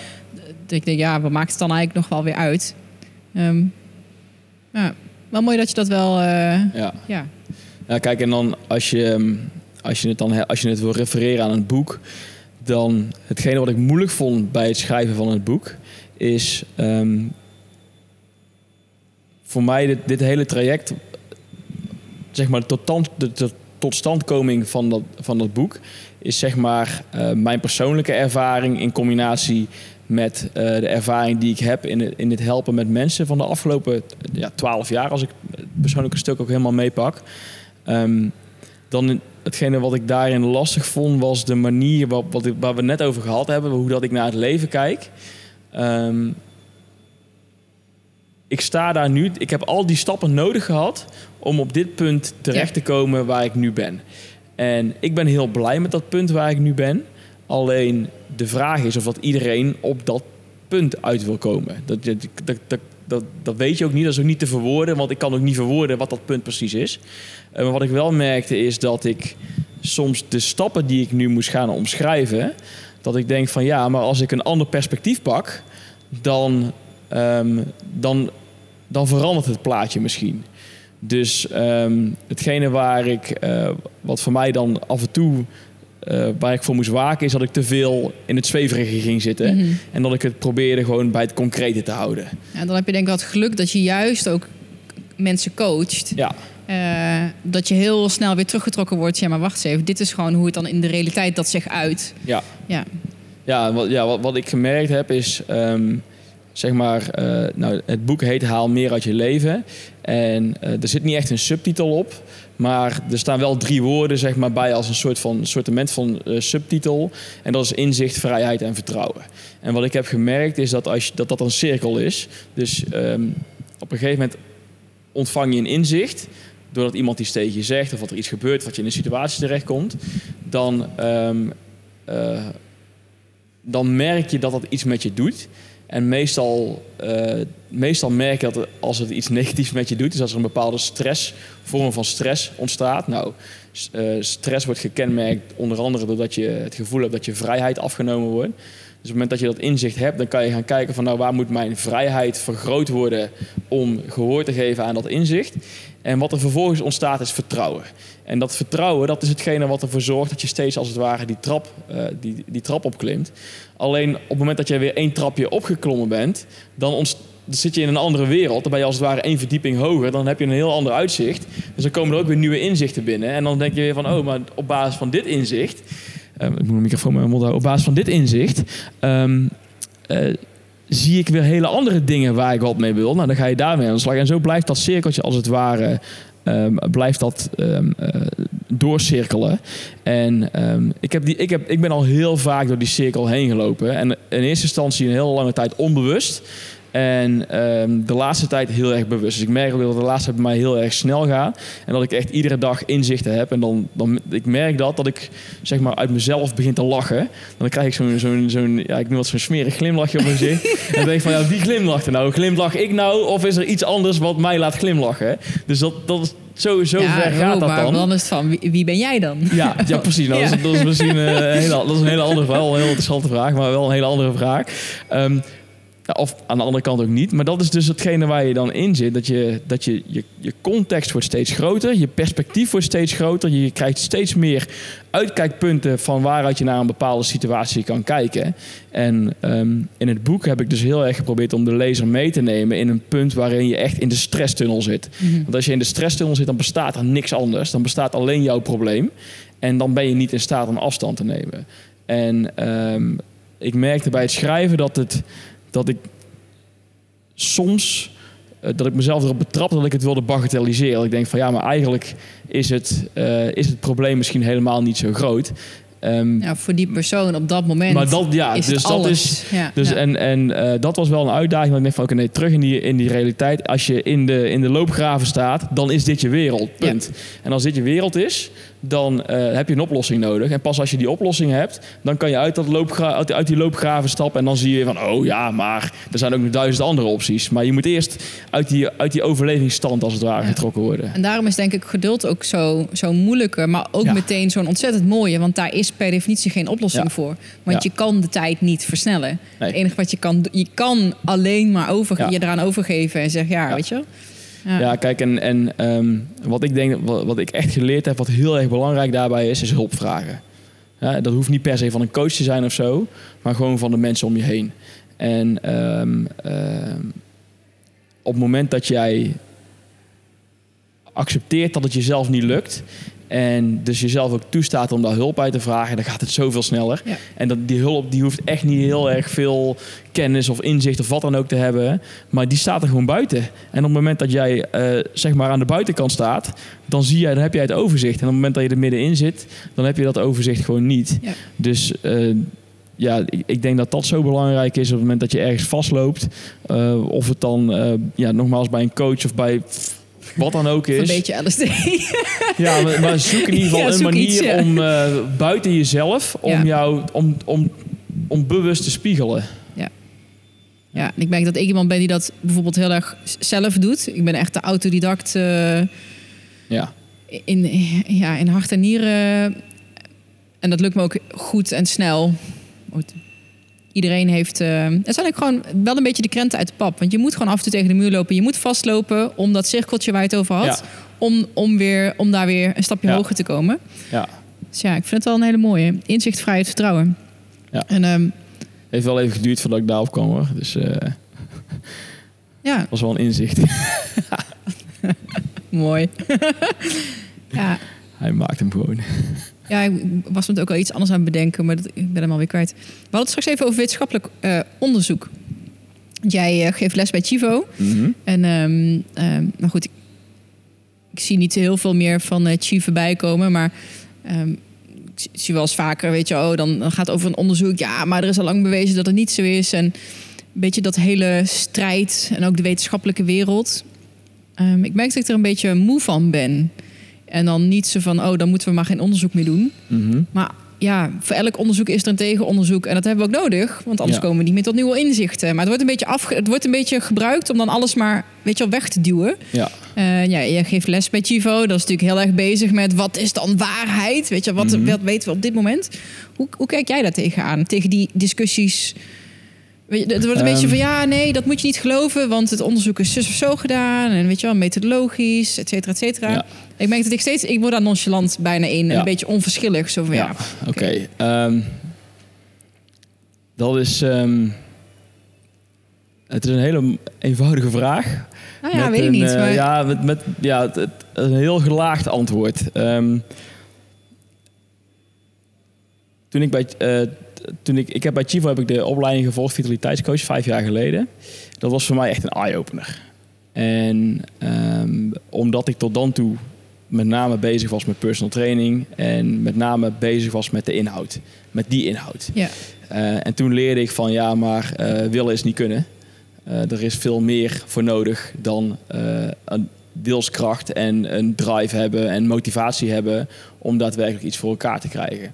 Dus ik ben echt ontzettend dankbaar dat ik eh, daar terecht ben gekomen. Ehm, dat ik daar heel veel dingen heb geleerd. Heel veel over met name over mezelf geleerd. Heel veel over andere mensen geleerd. Het heeft mij echt, ik heb daar Chi laatst nog een kaartje voor gestuurd. Waar ik hem echt bedankte van ja, dit is- heeft me echt op mijn pad gebracht. Waar ik heel dankbaar voor ben. Ehm, dus dat wil ik wel aan de ene kant. Want hetgene wat ik nu zeg is echt iets wat voor mij heel erg persoonlijk is. En ehm, waar, ik, waar ik serieus of of oprecht wel, wel eens mee struggle. En dat is eh, als je kijkt naar wetenschap. Van welke, wel, welke rol heeft wetenschap? En ehm, de manier waarop dat ik er naar kijk, is wetenschap gaat uit van het causaliteitsprincipe. Dus het principe ehm, oorzaak en gevolg. En eh, ik doe iets en dat heeft als direct resultaat dat er iets anders gebeurt. Nou, en, ehm, voor een heel groot gedeelte in de wereld waarin wij leven, dit nogmaals, dit is hoe dat ik naar, ernaar kijk, lijkt het dat dat zo is. Dus ik praat in die microfoon en het gevolg daarvan, dat ding zit aan de computer verbonden en het gevolg daarvan is dat het opgenomen wordt. Dus het lijkt net of dat doordat ik in die microfoon praat en dat dat het apparaat zijn ding doet, dat dat opgenomen wordt, dat dat allemaal eh, rechtstreeks met elkaar in verband houdt. Alleen de manier waarop ik er naar kijk, is dat wij er te dicht op zitten om te kunnen zeggen dat het daadwerkelijk een kausaal verband is. Omdat ik van mening ben dat het een relatie heeft met elkaar. En wat bedoel ik daarmee? Ehm, ik kan in deze microfoon praten, dat ding kan het geluid opnemen, omdat wij hier in deze ruimte zijn. Dus we hebben deze ruimte daarvoor nodig. Hoe kan deze ruimte hier zijn? Doordat iemand ooit bedacht heeft om dit gebouw te bouwen. Eh, hoe kan iemand dat ooit bedacht hebben? Doordat hij geboren is. Nou, als je het helemaal uitzoomt, dan kan je helemaal teruggaan tot aan wat ze dan de Big Bang noemen. En dan heeft alles een relatie met elkaar. Dus het feit dat wij dit nu met z'n tweeën kunnen doen, eh, is gerelateerd aan al het andere wat ooit gebeurd is. Ehm, op het moment dat je dat beseft, dan zie je dat causaliteit niet bestaat. En dat er alleen vanuit ons menselijk perspectief. eh, dat we een relatie kunnen beschrijven. En dat die relatie lijkt op een causaliteit. Maar dat het de vraag is of dat het zo is. Nou, dat is de manier waarop ik er naar kijk. En als je dan naar wetenschap kijkt, dan denk ik van ja, goed, met de, de, eh, de middelen die wij hebben en de zintuigen die wij hebben, stelt de wetenschap ons in staat om sta- stappen voorwaarts te nemen, om het maar even zo te noemen. aan de andere kant geloof ik dat er een factor is die wij met geen woorden kunnen beschrijven, die ons verstand te boven gaat. En dat kan je God noemen, dat kan je bewustzijn noemen, dat kan je het universum noemen. Dat, geef het beestje een naam. Ehm, dat die factor uiteindelijk een veel grotere rol spelen dan wij vanuit ons menselijk wetenschappelijk perspectief uh, willen toegeven. En dat de wetenschap onze manier als mens is om te beschrijven hoe de wereld in elkaar zit. En dat die ons vooruit helpt.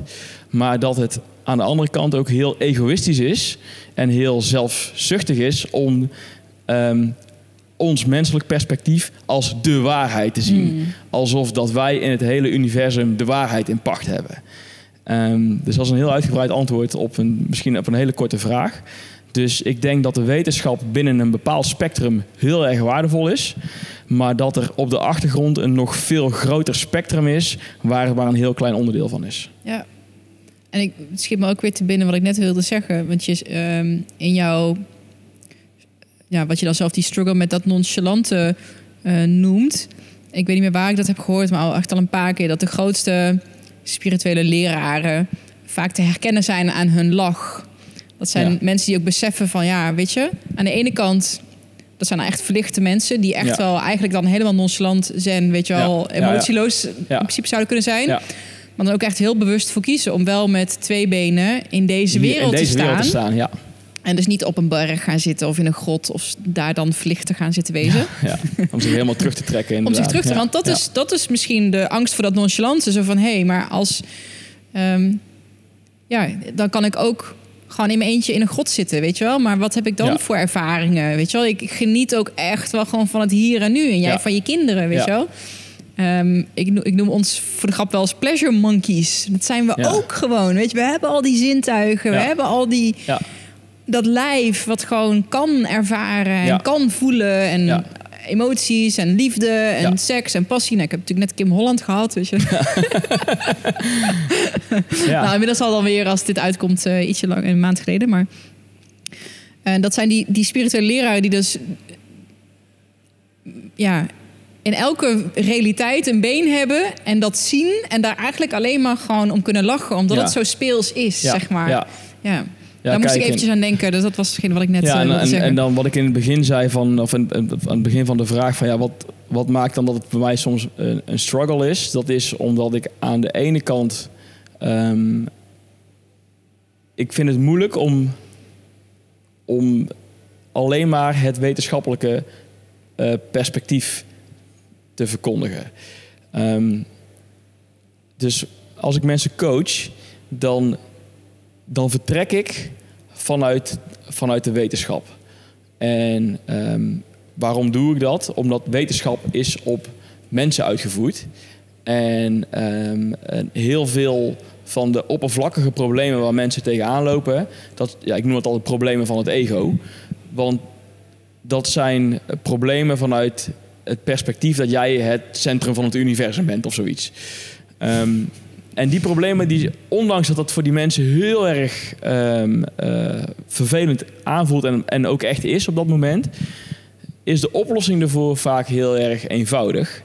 Um, alleen op het moment dat er iets dieper zit wat daaronder, wat, wat zeg maar die, die problemen drijft, ja, ik, ik, ik kan het niet zo goed verwoorden, maar ik denk van ja, dan, dan mist er op een gegeven moment een bepaald vertrouwen of een bepaalde ja, vertrouwen in iets wat buiten jezelf ligt, wat groter is dan jijzelf, um, dat dat vertrouwen mist, dat, dat, dat, dat, het, dat het zich vanzelf ontvouwt, zeg maar. Mhm.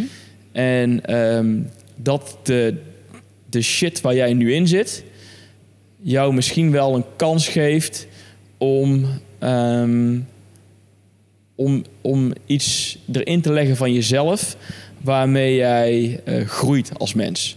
Ja, kijk, soms, ik, ik, ik, vind het altijd een beetje eh, moeilijk om het woord karma daarvoor te gebruiken. Maar dat is volgens mij wel hoe dat het genoemd werd. Dus ik, als je kijkt naar, en dan, ga je echt naar de spirituele kant van mij. Want ja, waarom, waarom zijn wij hier als mensen?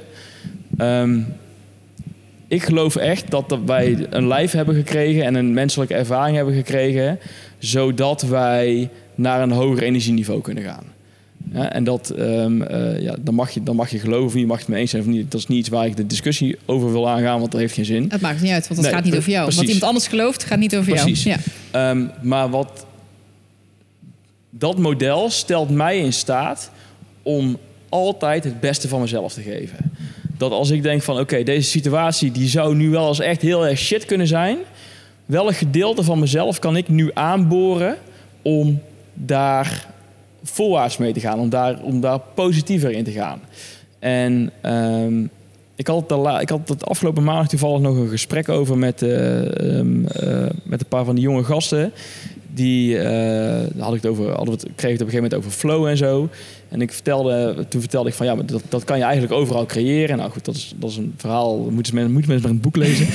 Ehm, maar het voorbeeld wat ik dus vertelde, is hij zei van ja, ik, ik werkte vroeger bij de, eh, bij de HEMA. En eh, toen moest ik sokken in de, in de kast leggen. En dat is een heel saai baantje. Nou, en in het kader van flow kan je daar dus een soort van spelletje van maken, waardoor je dat, ehm, eh, waardoor je een soort van flow ervaring kan creëren.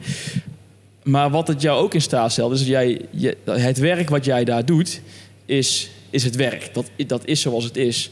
Maar om jou heen lopen mensen. Dus als jij zegt van nou, ik vind het heel erg belangrijk om mensen een, eh, gelukkig momentje te gunnen in hun dag, dan kan jij in jouw werk als vakkenvuller, kan jij wel in jouw interactie met andere mensen, kan jij een, een moment voor hun creëren waarin zij een klein beetje gelukkiger worden. En ik denk dat eh, de kans die wij hebben gekregen hier om, om hier te zijn, dat wij dan die kracht in onszelf kunnen aanboren om mensen te laten zien van ja, eh, dit, dit is ja, liefde, zo wordt het meestal genoemd. Dit, om liefde te, te, te uiten. En dat is geen eh, romantische liefde, maar dat is gewoon liefde als kwaliteit van leven. Van ja, je kan iets voor iemand anders betekenen. En in het hele grote plaatje waar we het net over hadden, uiteindelijk doe je het voor jezelf. Want wat is dan jezelf?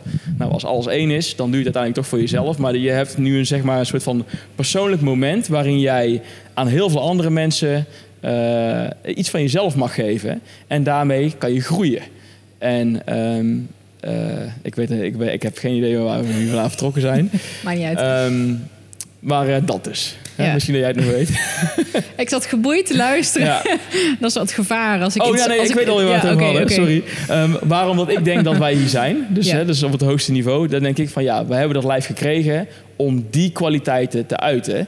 En dat maakt de wereld perfect. Want als er veel shit is, heb jij veel momenten om, eh, om liefde te tonen. Eh, maar je kan er ook voor kiezen om iets anders te doen. Dus als je het dan hebt over keuzevrijheid, ja, je hebt ook de keuze. Je kan ook een andere keuze nemen, dat je in de shit meegaat en dat je dus de negatieve energie ingaat. Ja. Dus die, die kans kan je ook pakken. En het is aan jou welke dat je neemt. En ik heb ervoor gekozen om de positieve kant. En wat mij opvalt, ehm, is dat je die keuze bewust kan maken, maar voor de meeste mensen gaat die, wordt die keuze onbewust gemaakt.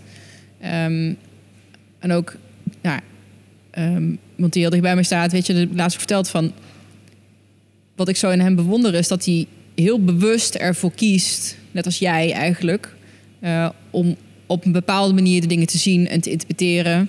Eh, Terwijl ja, je, hebt altijd twee, je kan altijd twee kanten op. Je Ja. kan altijd de positieve kant op of de negatieve kant op. En het is denk ik echt voor 99% van de mensen, of ik hoop voor veel minder uiteraard, maar vaak is dat een onbewuste keuze.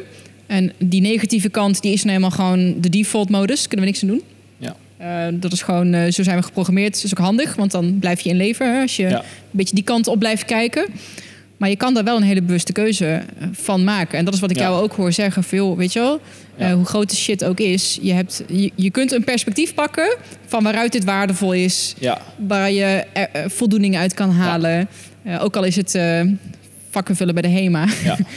ja en, en dat is ja. tegelijkertijd, dat, het, dat is niet altijd makkelijk. Nee, zeker niet. Ehm, maar ja, goed, het leven is natuurlijk ook niet Ja, eh, ja dus gemaakt om is- makkelijk te zijn, Ja, denk ik dan. precies. Dus kijk, de manier waarop ik en dan kijk de mensen die ik help, die help ik in eerste instantie op die, wat ik zeg, die op die oppervlakkige laag van, nou, ik graaf wel een beetje dieper, want heel veel mensen die komen met een hulpvraag die eigenlijk niet de hulpvraag is. Meestal zit die één of twee lagen dieper.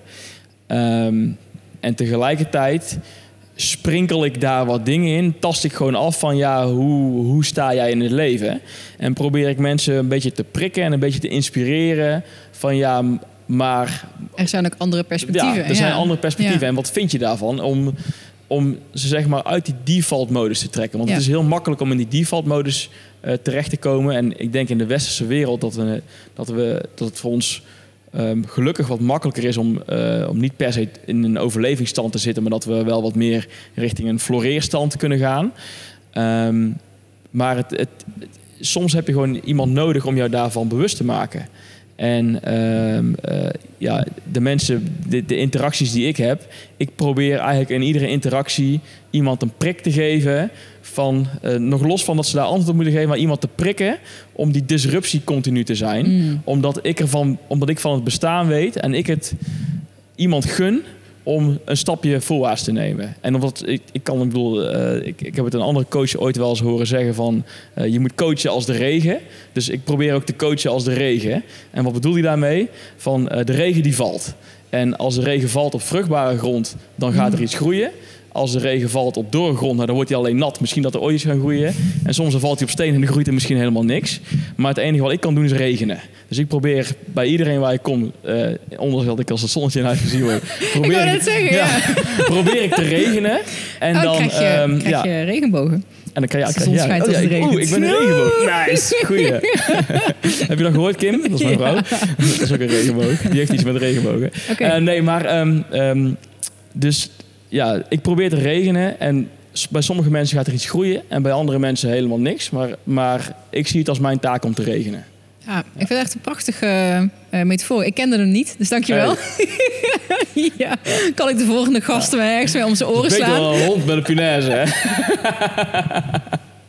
Ja. Ja.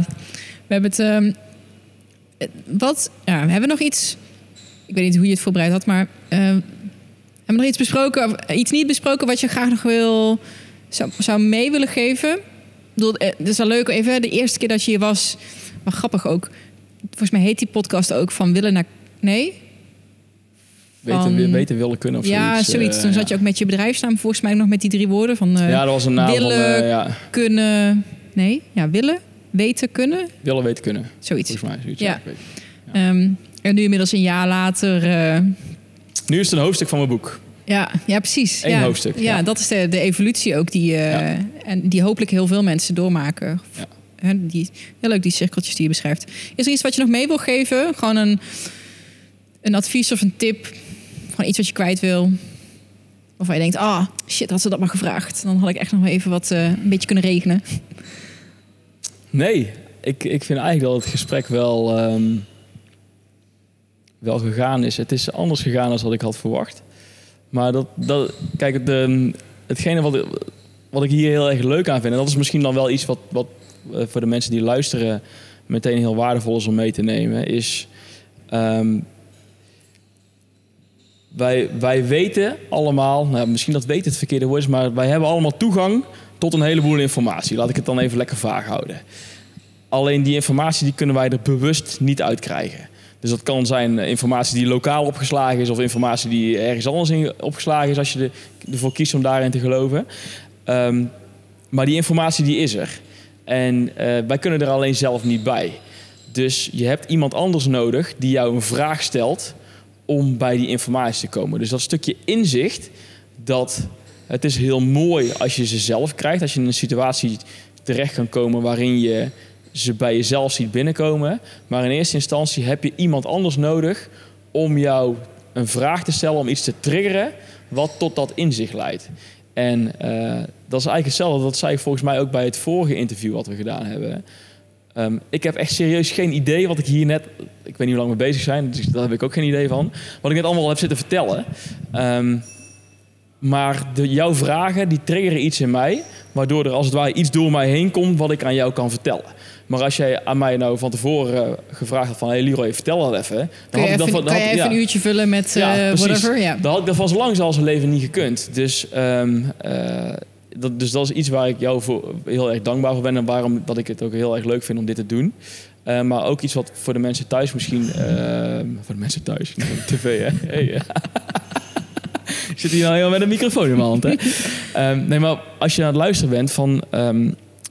je hoeft het niet zelf te doen. Zoek gewoon mensen om je heen die jou scherp houden, die jou triggeren, die jou vragen stellen, die de moeilijke vragen stellen. Eh, die de, ga op zoek naar de vraag achter de vraag. En misschien ook wel andersom. Ben ehm, zelf de persoon die Ja. vragen stelt. En ga ook diepgang niet uit de weg. Ja, Want ja. waar ik me soms een beetje in het begin een beetje schuldig over voelde. Ja, het lijkt alsof ik gewoon minder sociaal ben en minder mee kan met hele koetjes en kalfjes. Omdat ik er gewoon weinig. Ik, ik vind dit soort gesprekken vind ik echt fantastisch. Maar dan hoef ik ook niet vijf van op een dag te hebben. Nee, dan ben je, dan ben je gesloopt. Nee, maar weet je, maar dat zijn. ehm, dat maakt dit waardevol en ook het leven waardevol. Ja. Want dit soort gesprekken, hier komen vragen ook jij aan mij. Waarvan ik weer over mijn namen gaan Ja. denken. Dus wij Zo krijgen allemaal hey. inzichten doordat we dit doen. Dus, Ja, eh, precies. ja. Eh, heel Bij de gratie fijn. van de luisteraar. Ja. Dus Ja, dankjewel goed, voor het goed, dat je dat, goed dat je dat aandraagt. Dat vind ik wel een, een mooie. Zo van, ga, durf die... Omarm ook dan die diepgang en die vragen. En ga het niet uit de weg, weet je wel. Nee. En eh tuurlijk, er is niks mis met lekker oppervlakkig... Ja. Fijn. Ja, ik zou willen dat ik het kon, maar ik ben altijd zo. eh, dat is mijn gebrek. Of eh, mijn gebrek en aan de andere kant mijn geluk. Dat ik altijd eh, dat ik moeilijk ben in small talk. Dus de diepte ingaan, dat is voor Ja. mij heel makkelijk. Maar eh koetjes en kalfjes, dat vind ik heel lastig. Ehm, maar ja, ik, mensen met wie ik die gesprekken heb, die waarderen het heel erg. En dat, dat, dat krijg ik altijd terug. Dus ik denk hetgene wat jij net zegt, dat dat misschien nog wel mooier is. Wees eens voor iemand anders Ja, precies. de persoon die dat prikje uitdeelt. Ja. En eh, in plaats van dat je zegt van, eh hey, alles goed. eh, dat eigenlijk in, de vraag, in de vraag zit al een soort van oordeel ver, verweven. Hè? Als je aan iemand vraagt van, hey, alles goed. Dan, dan durf je als beantwoorden van die vraag eigenlijk al ni- niet meer te zeggen, nee, het gaat niet goed. Dus als je de vraag anders formuleert van, als, hey, hey, hoe gaat het met je? Dan geef je die ander ook daadwerkelijk de ruimte om eh, als die dat wil, daar een oprecht antwoord op te geven. In plaats van een sociaal wenselijk antwoord. Dus ik denk dat we die, eh, dat, dat, dat misschien wel ga ik er nog eentje aan toevoegen die me zo te binnen schiet. Eh, ook in, als je dan met mensen praat, in plaats van je mening of je oordeel te verkondigen, gewoon zeggen: hé, hey, weet je, er is iets. Hoe zie jij dat? Ja, ja een vraag Gewoon, dat stellen. is gewoon aan ja. mensen vragen. In Ja. plaats van.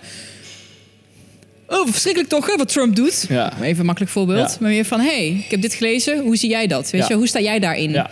Eh, dat, dat- leidt tot inzicht. Ja, dat levert echt hele mooie gesprekken. Kan hele toffe gesprekken opleveren. Ja. Nou, Leroy, dankjewel voor dit gesprek. Voor alle inzichten. Ja. En ik hoop dat je ja, ook gewoon nummer 100 dan wil zijn. Weet je wat? Fuck it. We maken er gewoon een traditie van. Dus is volgend jaar om deze tijd. Ik zal vast... eh ja, maar jij, Ja, maar stookt ik ben wel door, benieuwd? Ja. eh, waar, waar je dan naartoe evolueert. By Ja, the way. ik ook. Stapje voor stapje. Eh, niet gaan- niet, niet, niet stressvol. Nee, we gaan het zien. Komt Ja. goed. Dankjewel. Ja, dankjewel. Jij ook.